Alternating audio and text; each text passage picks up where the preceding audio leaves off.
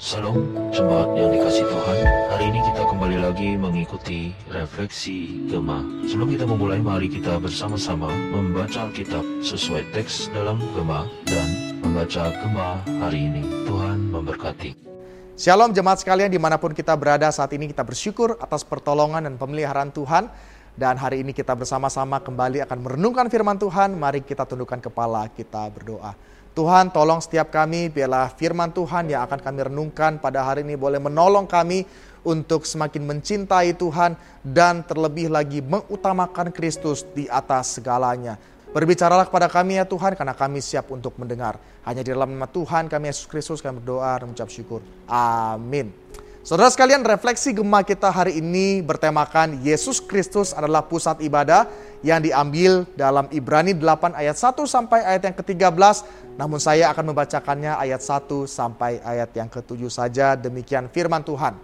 Inti segala yang kita bicarakan itu ialah kita mempunyai imam besar yang demikian yang duduk di sebelah kanan tahta yang maha besar di sorga dan yang melayani ibadah di tempat kudus, yaitu di dalam kemah sejati yang didirikan oleh Tuhan dan bukan oleh manusia.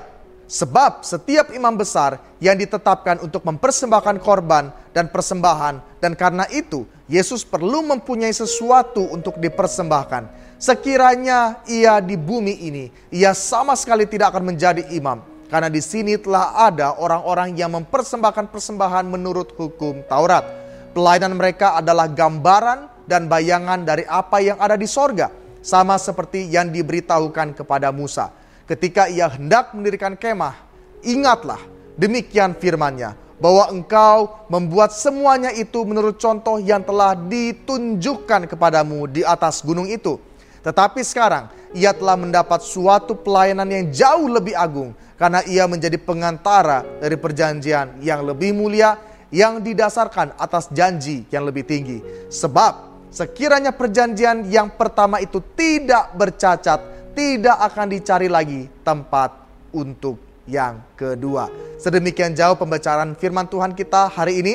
Saudara sekalian, masa pandemi banyak mengubah cara gereja memaknai dan melakukan ibadah. Di tengah begitu banyak keterbatasan, Gereja harus memutar akal untuk menciptakan ibadah versi pandemi. Ada gereja yang segera memindahkan ibadah fisik onsite kepada ibadah daring atau online.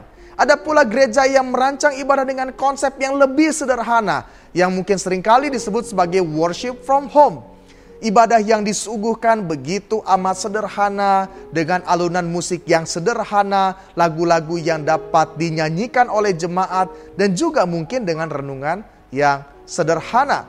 Saudara sekalian, banyak cara dilakukan untuk kita umat Tuhan beradaptasi dengan masa pandemi ini. Masih ada berbagai model ibadah yang lain yang dibuat oleh gereja pada masa pandemi ini. Dalam situasi seperti ini, marilah kita merenungkan sebuah pertanyaan yang bersifat teologis, yaitu di manakah posisi Kristus di dalam ibadah kita? Apakah gereja pada masa kini tetap mempertahankan prinsip solus Kristus, Kristus sebagai satu-satunya pusat atas ibadah? Saudara sekalian, penulis surat Ibrani sejak jauh hari memahami peranan Tuhan Yesus sebagai imam besar agung, yaitu sebagai pengantara satu-satunya kepada Allah dalam sebuah ibadah. Peranan Tuhan Yesus adalah mempersembahkan dirinya sebagai persembahan yang sempurna, tak bercacat, dan membuat umatnya layak untuk beribadah. Pemahaman terhadap peranan Kristus seharusnya membuat gereja di masa pandemi ini mengusahakan ibadah yang kristosentris, yaitu ibadah yang berpusatkan kepada Kristus dan karya pengorbanannya bagi umatnya. Karya pengorbanan dari sang pengantara itu merupakan persembahan yang sempurna dan yang menunjukkan belas kasihan Tuhan bagi umatnya. Belas kasihan Tuhan itu melayakkan umatnya untuk datang menyembah Dia.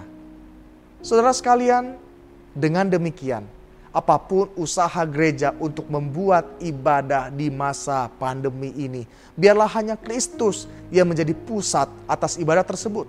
Sehebat apa pun media yang digunakan, baik itu musik, suasana ibadah, teknologi, semuanya itu tidak dapat mengalahkan kesempurnaan pengorbanan Tuhan Yesus sebagai satu-satunya pengantara antara Allah Bapa dan manusia. Sehingga setiap orang yang percaya di dalam nama Yesus Kristus dilayakan beribadah kepadanya.